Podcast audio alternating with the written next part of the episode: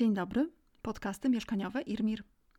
Słuchacie Państwo podcastów mieszkaniowych Instytutu Rozwoju Miast i Regionów, w których odpowiadamy na najważniejsze pytania dotyczące zamieszkiwania w ogóle i bardzo wielu powiązanych z tym codziennych szczegółów. Zapraszamy do odszukania całego cyklu. W tym odcinku mówi do Państwa Hanna Milewska-Wilk, a temat brzmi: Jak liczymy opłaty za media?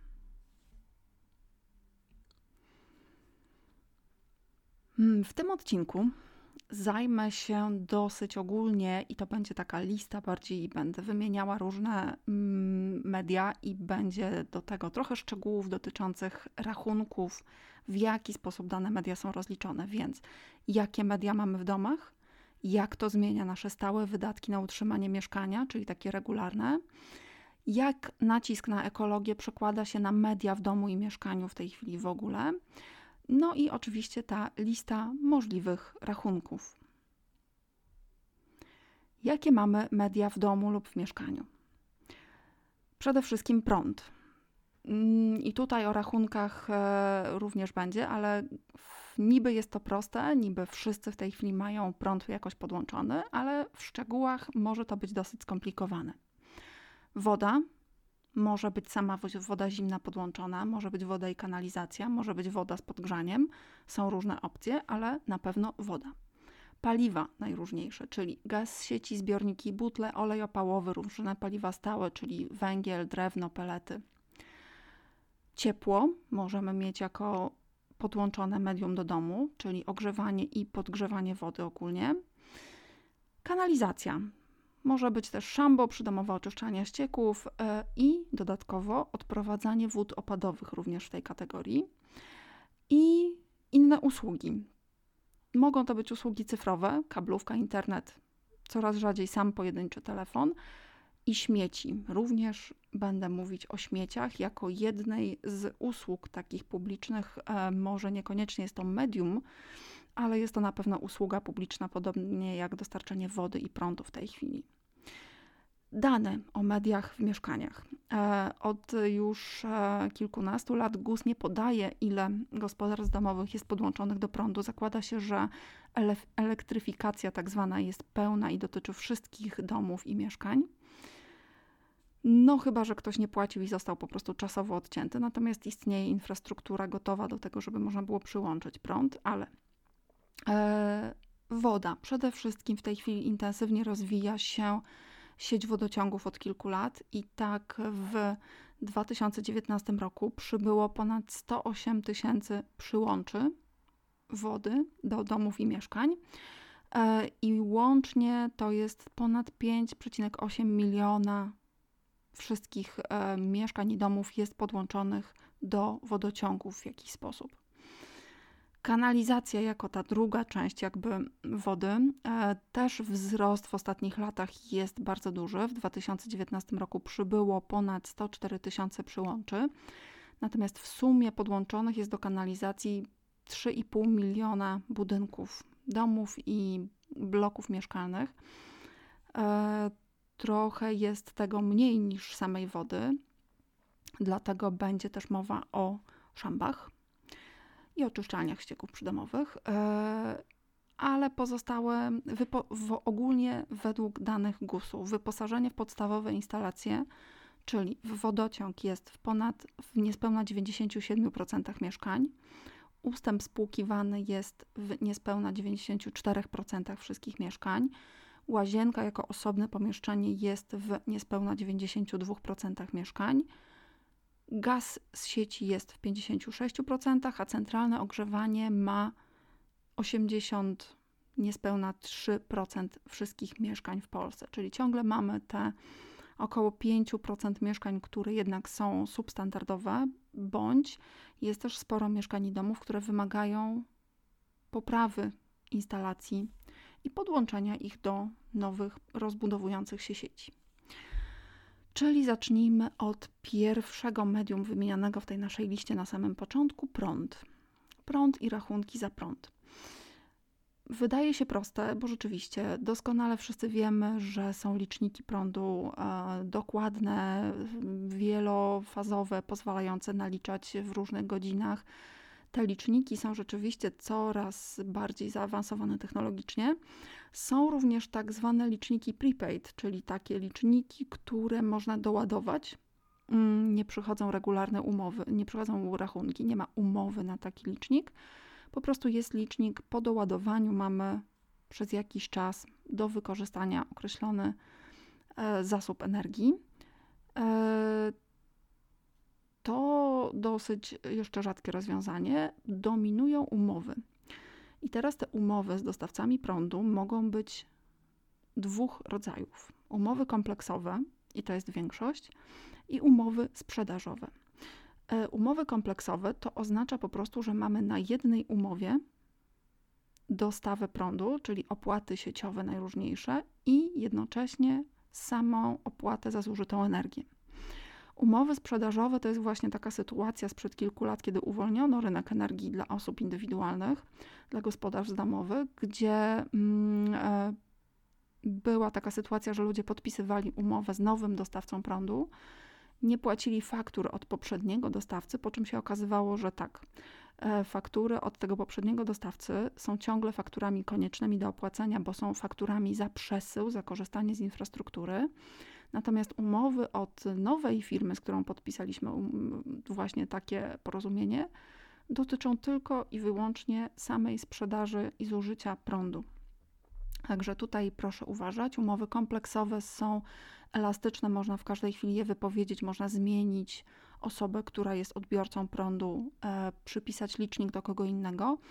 W umowach sprzedażowych jest przeważnie określony czas, na który jest zawarta umowa, i z reguły nie bardzo można przed tym czasem z tej umowy zrezygnować, przekazać ją komuś innemu. Po prostu musimy płacić do końca tej umowy sprzedażowej. Także tutaj zwracam uwagę na te umowy kompleksowe i sprzedażowe. E, poza samymi umowami, coraz bardziej skomplikowane są same rachunki za prąd. One mają coraz więcej pozycji. E, mamy tam opłaty stałe, opłaty przesyłowe, mocowe na odnawialne źródła energii, opłaty administracyjne. I do tego gdzieś tam na samym końcu mamy rzeczywiście opłatę za zużytą energię, ale Niekoniecznie to jest zawsze zużyta energia. Duża część e, odbiorców w Polsce płaci ciągle za energię elektryczną na podstawie tak zwanych prognoz. I to powolutku się zmienia, ponieważ w tej chwili jest tak zwana wielka wymiana liczników na inteligentne. Ma to doprowadzić do tego, że będą zmieniane sposoby wystawiania rachunków, nie będzie właśnie już tych prognoz ma być faktura wystawiana za rzeczywiste zużycie. I temu mają służyć te inteligentne liczniki, które również korzystając z przyłączy energetycznych mogą przesyłać dane, na przykład dotyczące zużycia energii. I na tej podstawie mm, może nam firma wystawiać fakturę. E, także tutaj zerknijmy czasami na swoje rachunki za prąd, nie tylko na pozycję suma do zapłaty i termin zapłaty, ale też sprawdźmy kilka innych. Może się okazać, że możemy nieco zmniejszyć te opłaty, e, korzystając z różnych promocji. Najczęściej jest to przejście na faktury elektroniczne. Tutaj rzeczywiście wtedy dostawca energii nie płaci choćby za pocztę, za usługi pocztowe, tylko może nam przesyłając to elektronicznie, możemy troszeczkę zaoszczędzić kilka złotych przynajmniej na każdym rachunku, na każdej prognozie. I ostatnia ciekawostka o prądzie bardziej, ale tak naprawdę ciekawostka bardzo rozwijająca się szybko i dająca nam również duże oszczędności, nie tylko finansowe, ale prawdopodobnie ekologiczne. Można w tej chwili być nie tylko konsumentem prądu, ale i producentem, czyli po prostu stajemy się prosumentem. E, bardzo przyspieszyła fotowoltaika w najróżniejszych odsłonach, szczególnie w tej chwili na domach jednorodzinnych, ale na również większych e, budynkach instytucji bądź nawet spółdzielni mieszkaniowych. Coraz częściej buduje się, no może jeszcze nie elektrownie, ale spore ogniwa fotowoltaiczne, które pozwalają produkować prąd na swoje potrzeby i jeżeli będzie tego więcej, to przesyłać go do sieci, czyli stajemy się właśnie producentem W związku z tym e, możemy również zmniejszać w ten sposób nasze rachunki i przyczyniać się do tego, że będzie spalane po prostu mniej węgla w elektrowniach w Polsce. Kolejne medium woda.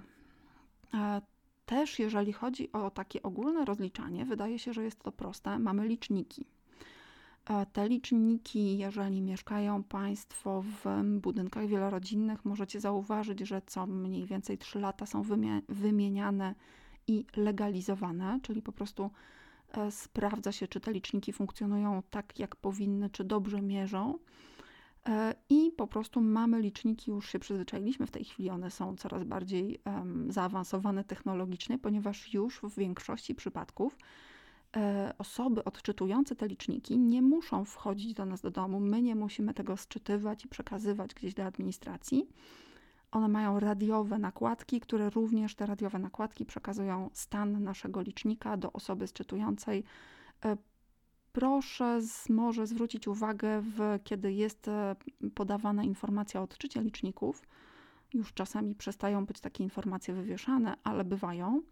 E, wystarczy, że e, osoba odczytująca stanie z odpowiednim urządzeniem gdzieś na klatce schodowej w pobliżu mieszkań, nie musi stawać nawet przy drzwiach i w promieniu mniej więcej 5-10 metrów może sczytywać liczniki właśnie drogą radiową. Mamy więc olicznikowaną wodę, w związku z tym płacimy za metry sześcienne. Opłata jest ustalana osobno w każdej gminie, bądź w gminy mogą również tworzyć związki, które mają wspólne takie zakłady wodociągowe. Więc e, te opłaty są ustalane właśnie przez, taki, przez takie um, przedsiębiorstwo wodociągów lokalne. E, opłaty są centralnie w Polsce zatwierdzane, także one nie są jakoś skrajnie różne, ale Coraz częściej opłaty za wodę są połączone z opłatami za kanalizację. Pobierając wodę, odprowadzamy ją do kanalizacji. Tutaj jakby jest to również taka opłata łączona za wodę i kanalizację jednocześnie. E, może być osobna opłata za podgrzanie wody, ponieważ na przykład mamy z sieci jest dostarczana woda zimna, a ciepło jest dostarczane z innego zakładu i wtedy są osobne rozliczenia. Na szczęście w większości przypadków, jeżeli to jest budynek wielorodzinny, administracja budynku, czy wspólnoty mieszkaniowej, czy spółdzielni zlicza to, rozlicza to na nasze metry, na nasze mieszkania i dostajemy gotowe zestawienia, gdzie mamy właśnie opłatę za całą wodę, którą zużyliśmy, w tym za podgrzanie tej wody, którą wykazały liczniki wody ciepłej. E, jeżeli mamy własne ujęcia wody, to w tej chwili większe ujęcia wody, nie takie na potrzeby indywidualnych gospodarstw domowych, czyli nie takie studnie przydomowe, ale na przykład jeżeli jest to osiedle, kilka budynków, e, które mają jedną studnię wywierconą, mogą być nie tylko opłaty za zużyte metry sześcienne wody, ale pozwo za pozwolenie wodnoprawne dla takiego ujęcia wody czyli mamy koszty jakby pozyskania tej wody z naszej strony, jeżeli mamy takie właśnie e, ujęcie dla osiedla bądź dla budynku i do tego płacimy za opłacamy pozwolenie wodnoprawne dla wód polskich. To jest tylko dla większych ujęć, które wykorzystują większe ilości wody. E, nie dla gospodarstw domowych, natomiast jeżeli rzeczywiście e, płacimy wodociągom, to pamiętajmy, że te opłaty gdzieś tam również są paliwa najróżniejsze. Mm, najpopularniejszy jest gaz z sieci, tak jak podawałam w danych, ponad 50% e, budynków jest podłączonych, w tej chwili budynków mieszkalnych jest podłączonych do gazu z sieci. I tu też mamy dosyć proste olicznikowanie. Mamy liczniki po prostu, które podawały kiedyś metry sześcienne. W tej chwili powinno to być już ujednolicone i powinny to być e, w dżulach, wszystkie, cała energia się podaje. Część budynków jest podłączona w ten sposób do e, sieci gazowej, że na przykład mają tylko mm, kotłownię gazową, natomiast w mieszkaniach, szczególnie w budynkach z lat 50., może nie być gazu w mieszkaniach, nie ma instalacji gazowej w całym budynku, tylko na przykład jest kotłownia gazowa. E, natomiast e, z drugiej strony jest taki trend w mieszkaniach usuwania, odłączania się od gazu ponieważ jeżeli mamy małe zużycie, ten gaz jest używany wyłącznie do gotowania, nie używamy go do ogrzewania wody, na przykład w swoim mieszkaniu, to mm, proszę sprawdzać swoje rachunki. Opłaty stałe, czyli te przesyłowe, e, mogą być większe niż opłaty za zużyte paliwo. Także gaz e, jest bardzo wygodny. Natomiast rzeczywiście przy bardzo małym zużyciu może być tak, że opłaty stałe są większe niż e, opłaty za samo zużycie. Sporo domów jest podłączonych do gazów ze zbiorników. E, też korzysta sporo gospodarstw domowych z butli gazowych ciągle jeszcze. I tutaj mamy proste również ceny. Tak jak przy węglu mamy cenę po prostu za jakąś jednostkę e, i doskonale możemy sobie to policzyć. Natomiast troszeczkę się to zmienia. I w tej chwili, ze względu na różne mm, obostrzenia i program, przede wszystkim czyste powietrze, trzeba doliczyć koszty dostosowania instalacji, swoich instalacji grzewczych, które służą do spalania paliw, do najnowszych wymogów. I w tej chwili już mamy takie spisy pieców. E, gminy muszą zrobić spisy pieców. Jest program wymień piec z doradztwem i dofinansowaniem. Tutaj polecam skorzystać program Czyste Powietrze, program Wymień piec. Tam są e, można znaleźć e, lokalnie w swojej nawet gminie doradcę energetycznego, który nam pomoże, podpowie, jak polepszyć naszą instalację nie tylko grzewczą, ale ogólnie nawet jeżeli chodzi o ocieplenie domu, jakieś e, dostosowanie właśnie całego domu, żeby był bardziej efektywny energetycznie. Także tutaj do tych kosztów paliw pamiętajmy, że w tej chwili trzeba będzie doliczyć takie koszty dostosowania wszelkich instalacji. I przy tych kosztach jest taka ciekawostka, bo to jest takie pogranicze. W tej chwili e, również, tak jak panele fotowoltaiczne, bardzo popularne stały się pompy ciepłe czyli nie mamy ciepła z spalania paliw dowolnych, gazu, węgla, drewna, tylko mamy po prostu ciepło pompowane z ziemi na zasadzie takiej, że po prostu na odpowiedniej um, głębokości mamy stałą temperaturę gruntu. E, rewolucja. E, rzeczywiście mamy ciepło, nie spalamy żadnych paliw. Instalacja może być dosyć kosztowna. Tutaj znów e, będę E, doradzała skonsultować się ze specjalistami, czyli na przykład z doradcami energetycznymi, którzy właśnie e, świadczą takie usługi w ramach programów, które są i w gminach, i jako ogólnopolskie dostępne. No i właśnie te pompy ciepła przeniosły nas do ciepła z sieci. I to jest ciepło, jest najtrudniejsze do policzenia, bo ciągle gdzieś ucieka i trudno je dokładnie olicznikować, policzyć. W nowych blokach, w nowych mieszkaniach, które korzystają mm, z sieciowego ogrzewania, jakiegoś centralnego ogrzewania, mm, instalacje w tej chwili są w tej chwili w taki sposób skonstruowane, że mamy liczniki przepływu ciepłej wody, mierzące jednocześnie również temperaturę tej wody. I w ten sposób jest liczone zużyte przez nas ciepło, ile tej ciepłej wody wpłynie do naszego mieszkania i również bardzo zaawansowane systemy sprawdzają, w jakiej temperaturze woda wypływa z naszego mieszkania. E, w starszych mieszkaniach, szczególnie spółdzielniach, mamy podzielniki na kaloryferach, też już coraz bardziej zaawansowane. E, też w jakiś sposób właśnie to nie są podzielniki, tylko to są instalacje, które pozwalają podzielić się zużytym przez cały budynek ciepłem. E, to jest także koszt tak zwanego licznika budynkowego. Tam, gdzie, licznik, gdzie budynek jest podłączony do ciepła, gdzie jest wymiennik ciepła, instalacja takiego wymiennika jednego bądź nawet kilku dla większych bloków. E, tam są właśnie takie liczniki podobne jak w nowych mieszkaniach. E, I ten koszt, który jest wyliczany z licznika budynkowego pomiędzy spółdzielnią bądź wspólnotą a zakładem dostarczającym ciepło, jakimś właśnie specem na przykład, e, to jest potem dzielony według na przykład udziału w częściach wspólnych, według metrów kwadratowych mieszkań. Są różne metody, skrajne mieszkania na przykład pod samym dachem, przy, na parterze ponad piwnicą mają troszeczkę inne współczynniki zużycia ciepła, więc rozliczanie ciepła może być bardzo skomplikowane.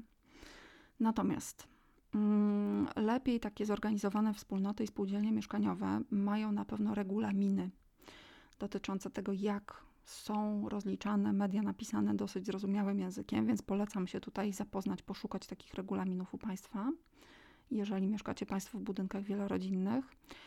E, I e, w takich e, wspólnotach i spółdzielniach przeważnie jest to tak dopilnowane i ustawione, to są już budynki, które stoją kilkanaście, kilkadziesiąt lat, że te zaliczki, które są ustalane, prawie dokładnie pokrywają koszty.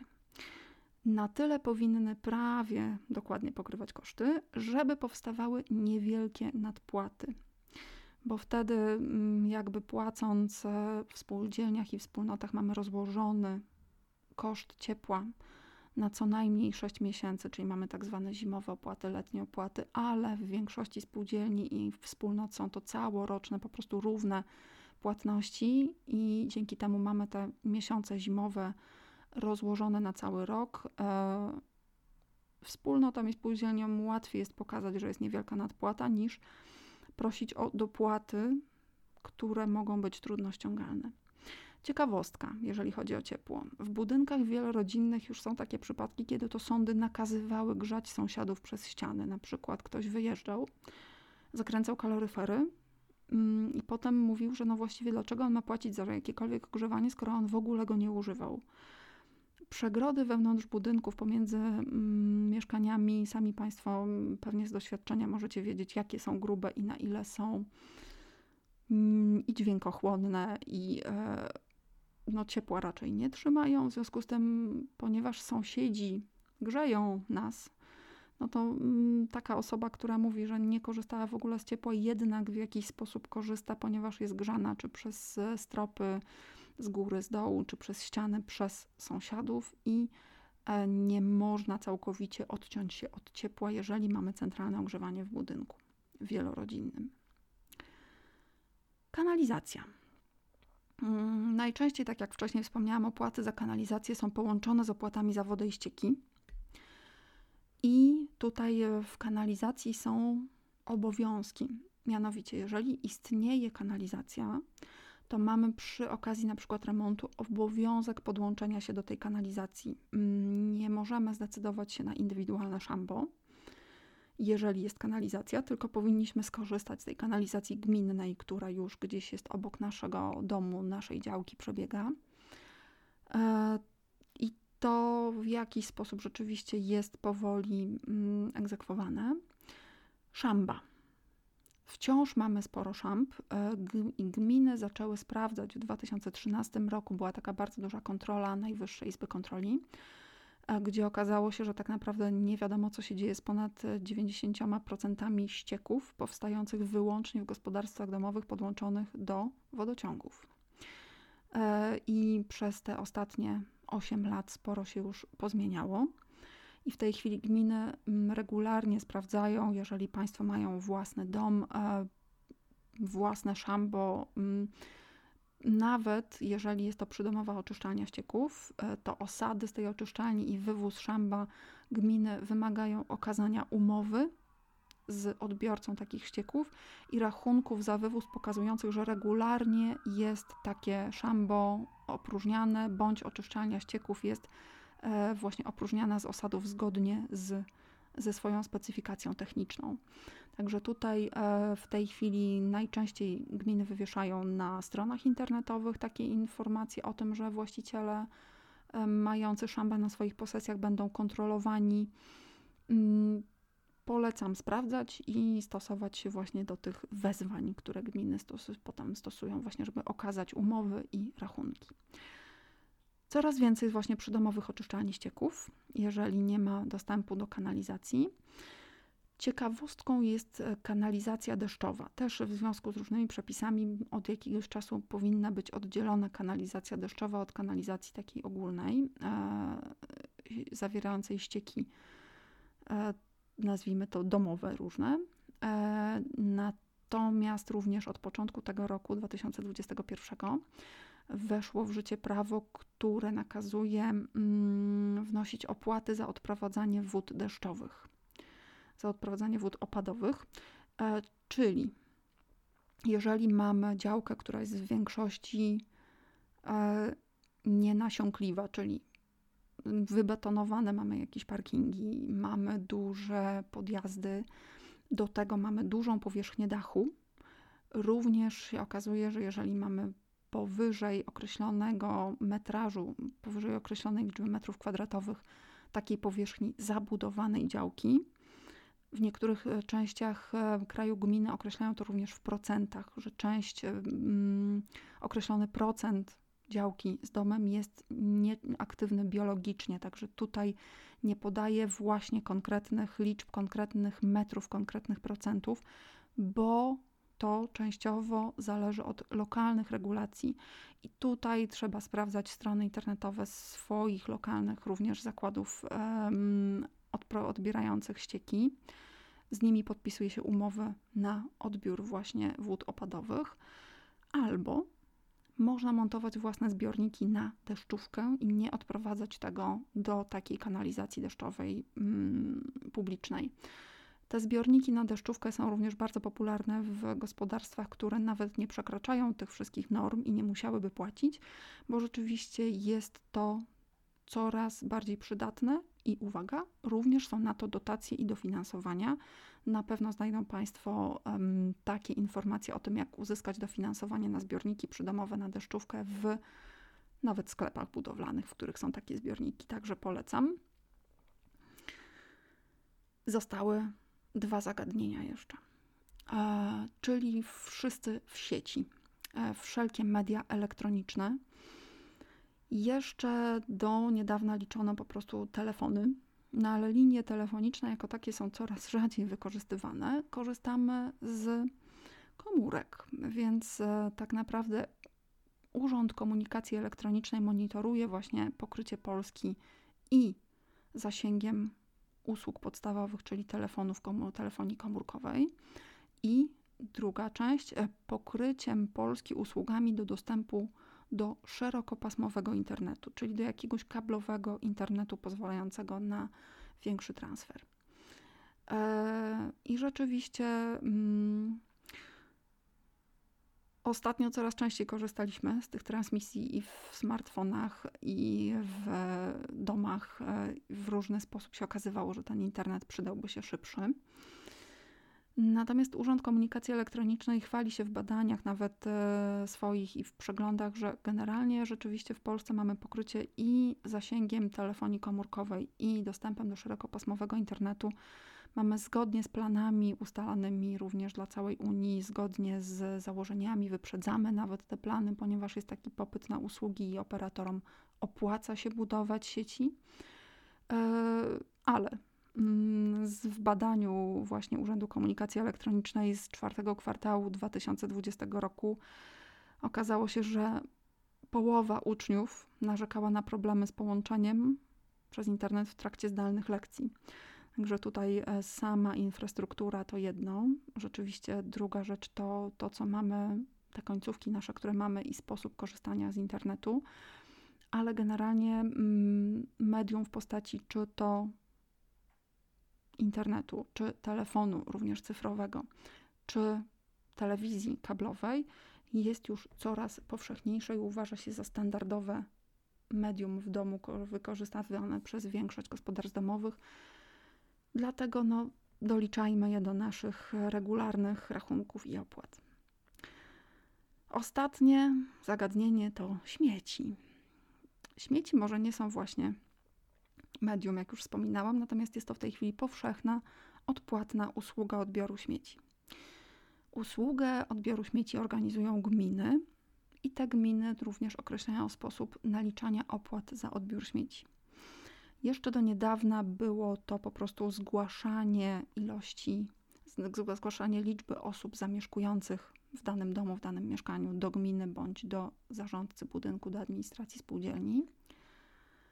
Tej chwili zdecydowano, uwaga, w każdej gminie może to być inny inna regulacja, ale spora część gmin zdecydowała, że połączy opłaty za śmieci z, z opłatami za zużywaną wodę, właśnie z tego względu, że no ponad 90% gospodarstw domowych jest podpiętych jakoś do wodociągów W związku z tym no, mm, można w miarę wiarygodnie ocenić, e, ile zużywają wody, i w związku z tym można właśnie oszacować opłaty za śmieci. E, niektóre gminy jeszcze inaczej zdecydowały, niektóre jeszcze nie zdecydowały do końca, bo potrzeba na to uchwały Rady Gminy. E, może być to związane z powierzchnią mieszkania bądź domu, właśnie z liczbą osób zamieszkujących. E, tylko tutaj właśnie znów najczęściej argumentacja jest taka, że mm, ta woda jest najbardziej miarodajną informacją, no ponieważ jeżeli mamy ponad 90% gospodarstw podłączonych do wodociągów i mają one spłukiwaną toaletę, no to jeżeli ktoś mieszka, to po prostu jest mniej więcej można oszacować zużycie poprzez spłukiwanie toalet, jakie musi być minimalne zużycie dla jednej, dla dwóch, dla kilku osób. E, także tutaj też proszę sprawdzać, te opłaty ostatnio dosłownie mogły się u Państwa zmieniać. I tak jak mówię, gminy poszczególne mają swoje zasady zastosowane przez wspólnoty spółdzielni, do których państwo jako indywidualni, na przykład od, indywidualne osoby mające umowę o odbiór śmieci z gminami będą się musieli dostosować. Również od początku 2021 roku mamy ujednolicone zasady sortowania śmieci, tak prawie dla całej Polski to wcześniej gminy mogły mm, decydować na swoich terenach właśnie, jakie będą te frakcje. W tej chwili już jest obowiązkowe pięć frakcji, tylko że te pięć frakcji to jest to, co powinniśmy mieć jako pojemniki, bądź co oddajemy w workach z domów, odpowiednio oznaczonych w kolorach najczęściej odpowiednich. Oddajemy mm, do odpowiednich samochodów czasami, czasami po prostu do większych zbiorników. Tylko, um, że te pięć frakcji jest właśnie, że tak powiem, stałych. Jeżeli mieszkają Państwo w bloku, to po prostu to jest pięć takich pojemników. Po pierwsze, to są zmieszane śmieci, czyli wszystko, co nie, czego nie damy rady posortować: szkło, plastiki, metal, papier, no i te odpady bio, które są właśnie najnowszą jakby frakcją, obowiązkowo wprowadzoną ale poza tymi pięcioma mamy bardzo dużo szczegółowych instrukcji dotyczących tego, jak wyrzucać różne szczególnie niebezpieczne odpady, czyli na przykład leki wynosimy do apteki. Elektronika, szczególnie baterie, również powinna być oddawana do odpowiednich punktów e, zbiórki odpadów elektronicznych i elektrycznych. E, odpady budowlane, jeżeli robimy remont, budowa jest tak samo, są to odpowiednie kontenery wywożone zupełnie w inny sposób, na inne troszeczkę wysypiska śmieci, ale również meble, stare, złożyte meble, które również powinny wylądować w tak zwanych gabarytach. W niektórych gminach również są tam, gdzie są takie zbiór, punkty selektywnej zbiórki odpadów. Tam można zawieźć wszystko na miejscu, będzie to posortowane.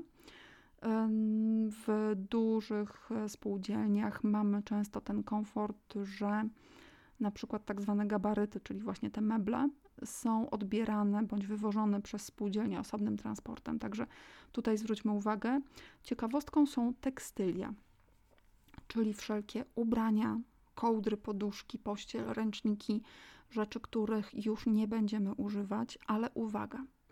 Tekstyliów też nie powinniśmy wyrzucać do pojemników na odpady zmieszane nawet jeżeli to jest, nie wiem, bluzka, która ma taką plamę, że już na pewno nikomu jej nie powinniśmy oddać, ani spodnie, które są tak podarte, że nie są już modnie podarte, tylko są podarte tak, że nie da się ich e, nosić. Wszystkie tekstylia powinniśmy wrzucać do pojemników na zużyte ubrania, na właśnie te ubrania e, do oddania, tylko że mm, te wszystkie tekstylia trafiają do specjalistycznych sortowni, gdzie są właśnie dzielone nie tylko na te ubrania, które jeszcze mogą wrócić na rynek i być powtórnie wykorzystane, ale również na te, które nie nadają się już do noszenia przez kogokolwiek, natomiast mogą być przerobione na przykład na różne czyściwa. E, są sortowane właśnie na to, czy jest to czyste, mm, jakiś organiczny mm, materiał, czyli bawełna, czy są to jednak już sztuczne tworzywa, które powinny być przetwarzane w inny sposób. Także pamiętajmy, jest poza tymi, co wymieniłam, na pewno osoby mające samochody wiedzą, że opony trzeba wyrzucać jeszcze w inny sposób i oddawać w innych punktach.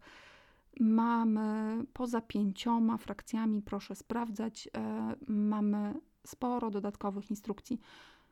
Zapewne spora część z Państwa, te osoby, które mają dzieci, wiedzą doskonale, że na przykład plastikowe zakrętki wrzucamy do specjalnych pojemników. To nie jest może niebezpieczny odpad, ale jest to już wieloletnia tradycja. Przygotowując to nagranie, korzystałam z e, danych przede wszystkim e, Głównego Urzędu Statystycznego i Banku Danych Lokalnych GUS, ustawy o utrzymaniu czystości i porządku w gminach. Tu jest właśnie kwestia tych szamp e, i sprawdzania przez gminy tego, czy są wywożone w odpowiedni sposób i regularnie. Polecam na stronach gov.pl program Czyste Powietrze i sprawdzenie właśnie doradztwa energetycznego, jeżeli chodzi i o piece, i o na przykład ciepłą wodę i korzystanie z paliw najróżniejszych. Ministerstwo Klimatu i Środowiska publikuje na swoich stronach zasady segregacji śmieci, te najbardziej ogólne. Regulaminy rozliczania e, mediów są uchwalane przez spółdzielnie i wspólnoty mieszkaniowe. To już u Państwa lokalnie. Korzystałam z kilku różnych, też proszę sprawdzać u siebie, jak to wygląda. I Urząd Komunikacji Elektronicznej udostępnia dane o usługach e, cyfrowych, o dostępie do tych usług i również mapy. Taki atlas dostępności mm, internetu również jest na stronach Urzędu Komunikacji Elektronicznej. Można sprawdzić nawet, jacy dostawcy są w jakim, pod jakim adresem możliwi do świadczenia usług. Dziękujemy za wysłuchanie kolejnego odcinka podcastów mieszkaniowych Instytutu Rozwoju Miast i Regionów. Zapraszamy do subskrypcji, komentowania, zadawania pytań. Mogą Państwo znaleźć nasze podcasty na stronie internetowej www.irmir.pl łamane przez podcasty mieszkaniowe Irmir. Mogą nas Państwo znaleźć na wszystkich dużych platformach podcastowych, a stroną domową jest Anchor FM łamane przez Irmir. Zapraszamy osoby, które lubią widzieć, o czym jest mowa, na kanał YouTube Instytutu Rozwoju Miast i Regionów – w playliście podcasty mieszkaniowe znajdziecie Państwo nagrania prezentacji do każdego odcinka. I wszelkie zapowiedzi i nowe odcinki są również na Facebooku Centrum Doradztwa Rewitalizacyjnego IRMIR. Zapraszam do polubienia tego profilu. Do usłyszenia.